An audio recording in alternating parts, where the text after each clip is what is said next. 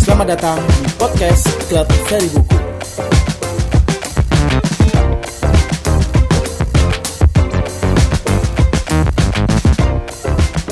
Halo kawan, kembali lagi dengan podcast Klub Seri Buku.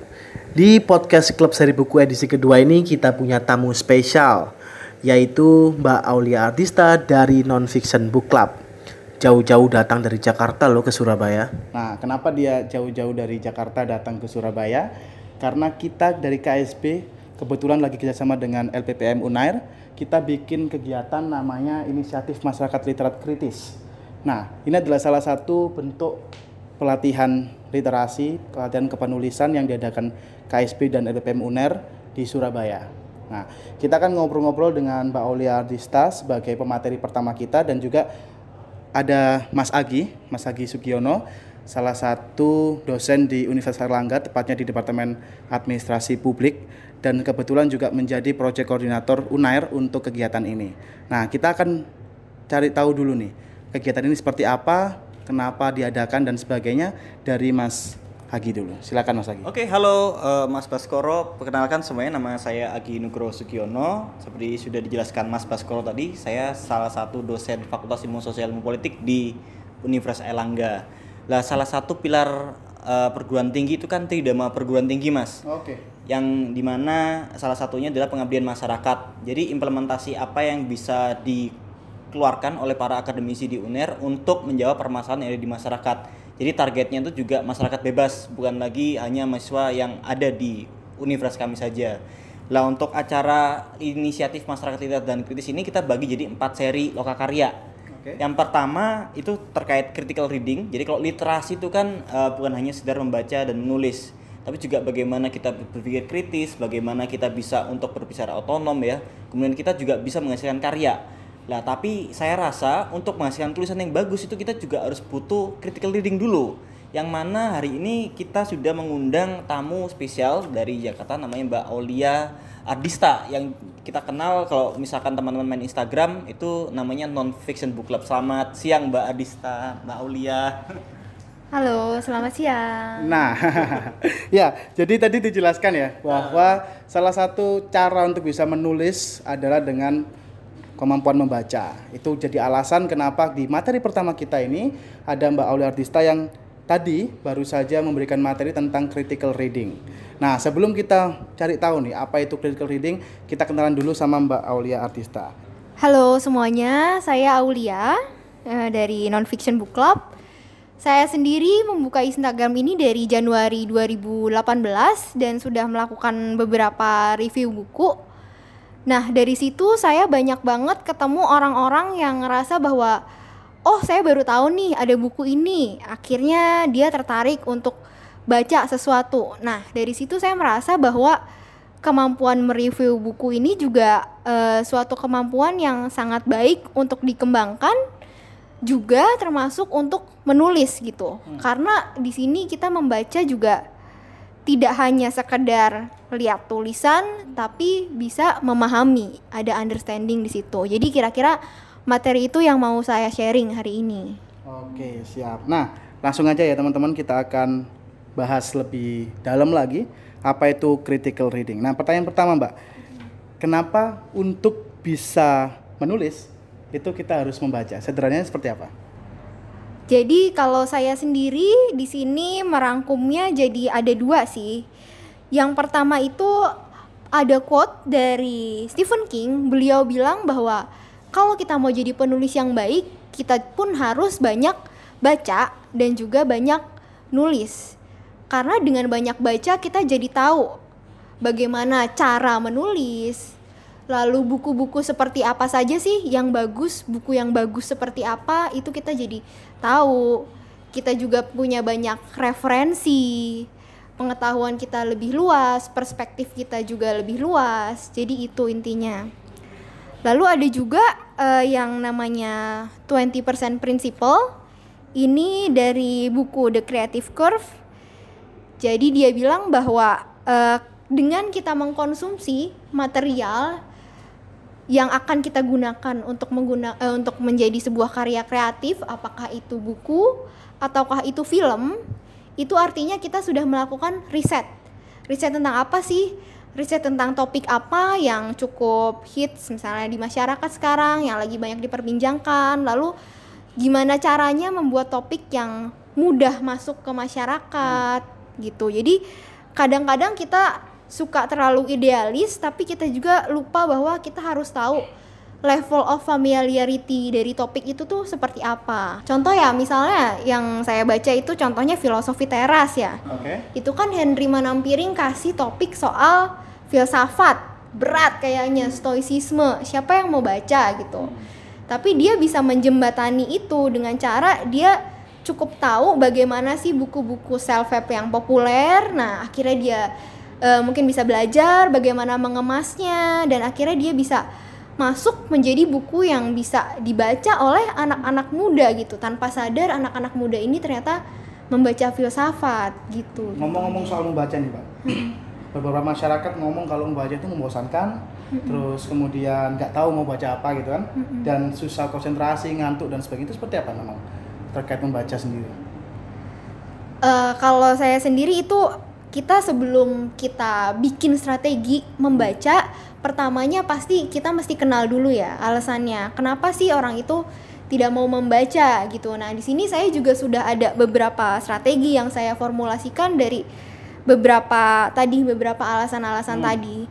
Yang paling krusial sih menurut saya karena short attention span ya kalau sekarang. Oh jadi kita semacam ke distract oleh teknologi. Iya gitu ya? banyak sekali distraksi sekarang. Kalau tadi saya kasih banyak contoh, ya? mm, zaman dulu ketika kita komunikasi kan tulis surat, ah. panjang ya. Kita nulis surat tuh nggak kayak kita chatting kan. Kita mencurahkan seluruh isi hati kita isi kepala kita di situ. Dan kita tahan gitu baca surat panjang gitu. Tapi kalau misalkan sekarang kan chatting segala macem informasi juga banyaknya cuma di medsos berita berita WA bahkan hmm. disebar-sebar. Nah jadi tantangan utamanya salah satunya itu sih. Gimana caranya membaca itu bisa jadi sesuatu yang enjoyable buat orang sehingga pada akhirnya orang nggak berhenti untuk membaca. Jadi membaca memang harus menyenangkan. Iya. Gitu.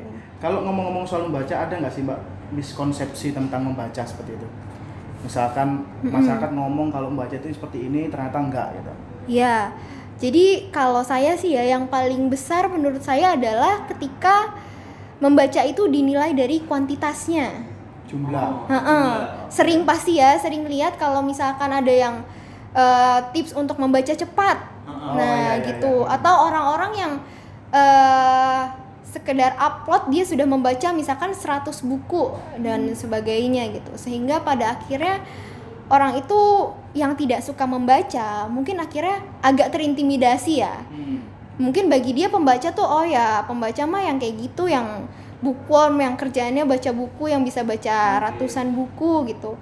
Padahal sebenarnya nggak berpengaruh sih seberapa eh mungkin berpengaruh tapi tidak sesignifikan itu. Intinya belum terlalu assure kualitinya juga. Iya itu dia. Kualitinya yang harus kita kejar. Apakah dengan membaca 100 buku itu kita paham semuanya kita bisa ceritakan ulang lagi kalau ada orang yang tanya ah. gitu. Atau cuma jadi pajangan aja kita tapi nggak tahu isinya apa gitu Selain itu ada lagi nggak pak miskonsepsi? Selain itu mungkin ini ya yang sering orang juga bikin males baca buku. Kadang-kadang malah dari pembaca bukunya itu sendiri suka book shaming. Oh, Oke, okay, book shaming. Shaming kayak ah tuh bacaan tuh kayak Iya, ya. bacaannya terlalu gampang banget gitu. Ah, atau nggak menye bacaan berat. Ya. Atau novel, novel, novel gitu ya apa sih gitu. Nah, banyak orang berpikiran kalau baca fiksi itu kayaknya uh, kayaknya nggak guna gitu loh baca oh. fiksi padahal kan enggak gitu dari fiksi pun kita itu menurut saya ya fiksi itu merupakan gambaran dari society atau masyarakat di situ ada zeitgeist atau semangat zaman yang dibawa dari ya gambaran dari waktu di mana si penulis itu menuliskan hmm. novelnya hmm. misalnya nah dari cerita itu bisa kita kritisi sejauh mana. Contohnya di sini eh, buku Lolita. Jadi Lolita itu banyak orang yang salah persepsi katanya Lolita itu cerita cinta. Padahal Lolita itu adalah cerita mengenai s- eh, hubungan cinta, bukan cinta ya, bahkan itu sebuah manipulasi antara seorang laki-laki dewasa yang memanipulasi anak di bawah umur gitu. Nah, jadi di situ Lolita ini menginspirasi banyak sekali diskusi-diskusi tentang hal tersebut. Itu kan mungkin hal yang cukup tabu atau sulit diperbincangkan. Tapi dengan novel kita bisa jadi ada apa ya? Jadi ada sesuatu titik awal lah untuk mulai berdiskusi setidaknya tentang topik itu. Oka bisa jadi kejadian fiksi tadi itu bisa jadi Iya, jadi sebagai refleksi dari kondisi masyarakat sekarang gitu. Artinya kita tidak bisa menilai seseorang dari bacaannya gitu ya. Artinya kalau bacaan ini oh, Bener. berarti dia nggak suka baca buku sebenarnya atau Iya, apa. heeh. ada juga di buku Lolita ini seorang penulis namanya Azhar Nafisi. Eh, beliau membuat buku judulnya Reading Lolita in Tehran. Jadi dia itu eh, seorang yang tinggal di Iran. Nah, banyak latar belakangnya ya revolusi, terus ada perang juga di sana. Dan dia membuat book club di mana di book club ini dia mengajarkan bukan mengajarkan lebih ke mendiskusikan buku-buku fiksi. Contohnya tadi Lolita terus ada Great Gatsby Pride and Prejudice. Jadi gimana buku-buku fiksi itu bisa membuka wawasan para anak-anak muda perempuan khususnya di Iran yang dia merasa perempuan itu sangat di op- ya apa ya pemerintah Iran itu sangat opresif terhadap perempuan menurut dia Oke. pengetahuannya dibatasi Eh, terkait membaca sendiri mbak, ada nggak dari mbak Aulia sendiri ya Mm-mm. tips atau trik eh, membaca yang menyenangkan, kemudian sehingga buat teman-teman yang awalnya belum suka membaca atau tidak terbiasa membaca jadi suka gitu. Kalau tips itu biasanya saya balik lagi ke enjoyment tadi. Yang penting Hmm. eh, kita tuh passionate dulu, kita tuh suka dulu dengan apa yang dibaca. Intinya itu dulu. untuk pemula itu ya. Untuk mu- Pemula. ya, untuk pemula. Makanya saya nggak suka kasih tips soal baca cepet atau gimana. Karena menurut saya kecepatan membaca itu nantinya terbangun secara otomatis sesuai Lebih dengan iya sesuai dengan konsistensi kita membaca kayak naik level gitulah. Nah kalau tipsnya yang eh, pertama menurut saya adalah eh, kita jangan membaca untuk orang lain gitu. Kita baca untuk diri kita sendiri. Jadi apa yang bikin kita tertarik? Topik apa? Nggak usah baca misalkan lagi tren buku apa yang banyak banget orang baca, tapi kita nggak tertarik gitu. Ya udah. Nggak usah Nggak ikut-ikutan. Infak kayak gitu ya. Iya, iya. Semua orang gitu ya. Hal kayak gitu baca. kan. Heeh, akhirnya baca gitu. Baca yang kita suka. Gitu. Iya, baca Yang kita baca mau, yang gitu. kita suka aja. Tapi sayangnya kadang-kadang orang juga nggak bisa nemuin nih apa yang mereka sukai Hmm, gitu. Jadi saran saya adalah coba deh cari buku itu jangan di toko buku, jangan baik yang lokal maupun internasional. Coba kalian carinya itu di toko buku online atau di Goodreads misalnya cari buku. Nah, karena kadang-kadang buku-buku yang ada di toko itu nggak representatif Oh, iya. gitu kurang Masalah. diverse lah kurang diverse jadi kurang bisa mengakomodasi eh, apa ya yang kita suka gitu Kadang-kadang yang dijual cuman ini ya, cuman yang laku gitu. iya boleh Tahu kan saya juga ngecek Instagram Mbak nih banyak banget nih buku yang menarik nih. Itu Mbak boleh kasih ini nggak ke kita? Belinya biasanya di mana nih? Nah, belinya kalau saya biasanya online gitu online ya yang buku-buku Online. yang kebanyakan ya? online nah kebanyakan belinya online kalau saya cari di toko buku yang ada fisiknya di sekitar saya suka nggak ketemu justru Oke. Jadi Gitu. nyarinya di Betul, platform betul. kayak Goodreads dulu baru mending Iya, online ya? atau follow bookstagram bookstagram. Oke. Kalau misalkan di Instagram tuh cari hashtag nonfiction. Nah, itu juga kita bisa kelihatan diverse banget buku-bukunya. Gitu. Mbak terkait membaca kritis kembali lagi ke Mm-mm. tema kita hari ini. Ada nggak sih metode atau langkah-langkah untuk seseorang bisa membaca kritis? Gitu? Hmm. Ada. Yang pertama, eh, kalau menurut saya dalam proses membacanya dulu ya. Hmm. Dalam proses membacanya dulu jangan takut untuk kita coret-coret bukunya. Oke. Entah itu digaris bawahin atau kita kasih pemikiran kita sendiri di samping-samping. Nggak perlu eman sama bukunya ya. Iya. Kecuali pinjem teman Nah, atau buku perpustakaan ya. Nah, itu perlu di Oke. rem dulu. Nah, kalau punya sendiri ya nggak apa-apa gitu. Jadi Hmm. saya dulu mikir daripada saya punya buku banyak tapi bersih, tapi saya nggak dapet apa-apa gitu. Mending saya punya buku yang ya nggak bagus-bagus banget, udah ada coret-coretannya, tapi saya bener-bener paham isinya. Ah. Jadi itu dulu.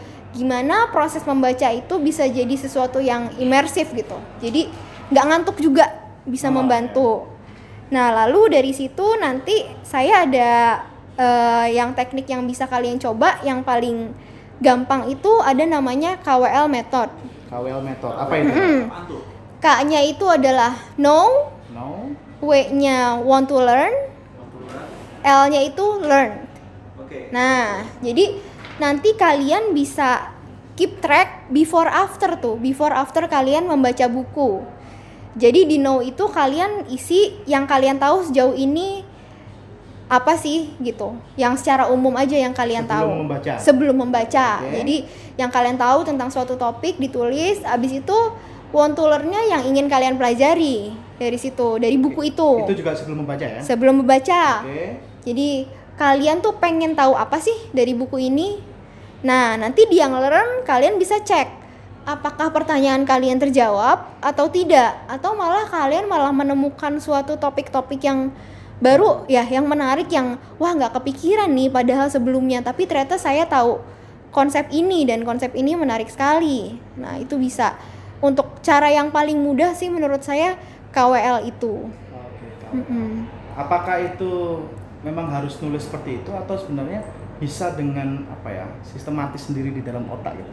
Artinya kan untuk teman-teman yang sudah sering membaca biasanya Iya, sudah iya. otomatis ya. Iya, iya. Seperti ini. Atau itu memudahkan untuk teman-teman pemula atau seperti apa?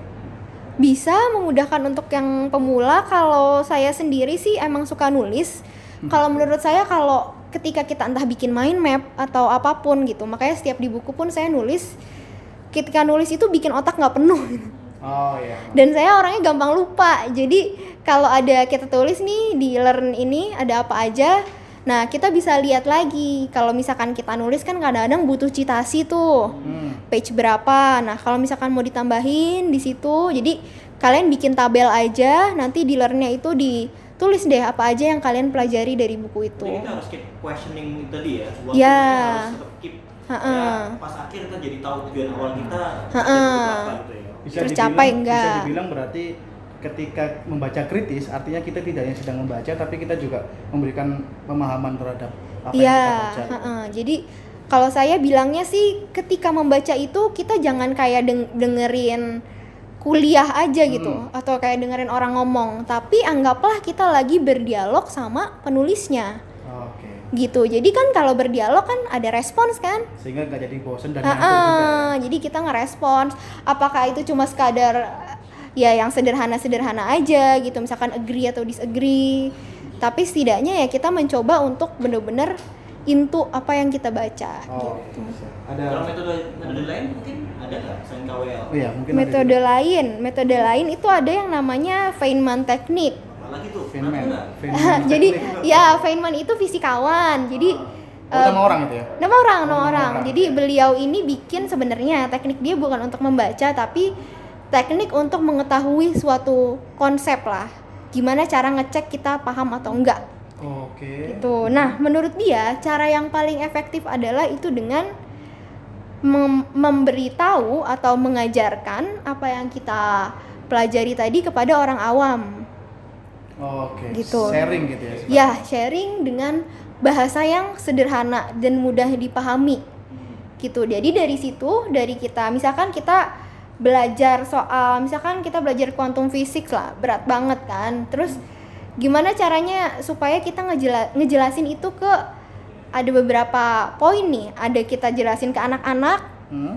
ada jelasin ke remaja, ada jelasin ke mahasiswa atau ada jelasin ke profesional. Nah, ketika kita menjelaskan satu konsep yang sama ke empat tipe orang yang berbeda dan kita berhasil melakukannya dengan baik, itu berarti kita sudah paham sama materinya gitu. Nanti kalau ada kesulitan bisa dicatat apa nih nah kita balik lagi ke bukunya Berarti Feynman teknik ini semacam metode untuk mengetahui pemahaman kita terhadap Ya, yang kita baca. Lewat orang lain lewat bercerita, ya dengan berbagi. bercerita ke orang lain Oke, bisa. Mungkin terakhir Mbak karena waktunya juga iya uh, mepet sekali ya. Kita terbatas oleh waktu akhirnya. oke Uh, terkait critical reading, apa sih manfaatnya untuk pembaca gitu ya? Dan manfaatnya untuk ketika seseorang ingin menjadi penulis yang handal gitu. penulis tadi ya penulis itu kan harus bisa bikin konsep sendiri bisa memformulasikan pemikiran dia dan nanti akhirnya dituangkan dalam bentuk tulisan. Nah cara untuk memformulasikan pikiran itu bisa dilatih oleh critical thinking. Nah critical thinkingnya itu dilatihnya gimana? Oleh critical reading gitu. Jadi agak masih berkaitan semuanya gitu. Jadi ketika kita membaca secara kritis kita itu nggak cuma sekedar masukin informasi aja Hmm? Tapi juga ada pemahaman di situ yang diharapkan pemahaman akan teksnya. Critical reading kita harus taking side dalam bacaan? Misalkan dia pro mana atau Oh. sebenarnya kalau saya sendiri ya malah suka baca buku yang pandangannya berbeda. dengan pandangan saya gitu. Jadi ya karena tujuannya saya ingin tahu perspektif orang lain seperti apa gitu. Jadi itu bisa juga dilakukan tidak harus taking sides tapi mungkin lebih ke memperluas perspektif aja. Perspektif oke. memperluas perspektif kita jadi itu juga keunggulannya membaca kritis kita tahu perspektif. Ketika kita menulis kita bisa bikin tulisan yang benar-benar ap- bisa applicable ke siapa pun gitu karena udah cukup komprehensif di situ. Oke, siap. Ya. Terima kasih Mbak Aulia Artista sudah hadir di pertemuan pertama kita dan teman-teman kita masih ada tiga pertemuan lain yang akan sangat penting untuk kita di akhir nanti bisa menulis sebuah tulisan ilmiah seperti itu. Nanti ada apa aja Mas? Max ada. Di pertemuan kedua Di pertemuan kedua kita akan belajar soal historiografi, terus di pertemuan ketiga kita kita knowledge management. knowledge management. Jadi intinya ketika udah baca banyak tuh bagaimana mengelolanya, menyimpannya sehingga kita bisa gampang untuk masukkan ke tulisan. Oke, dan yang terakhir itu Terkait terkait bagaimana kita publishing bisa ya. menulis Iya. uh, ilmiah dan mempublikasikannya. Jadi lengkap sekali dan teman-teman bisa ikutin terus kalau kebetulan tidak menjadi peserta gitu ya karena keterbatasan apa pun itu teman-teman bisa terus dengerin podcast kita di at Klub Seri Buku. Terima kasih uh, semoga bermanfaat.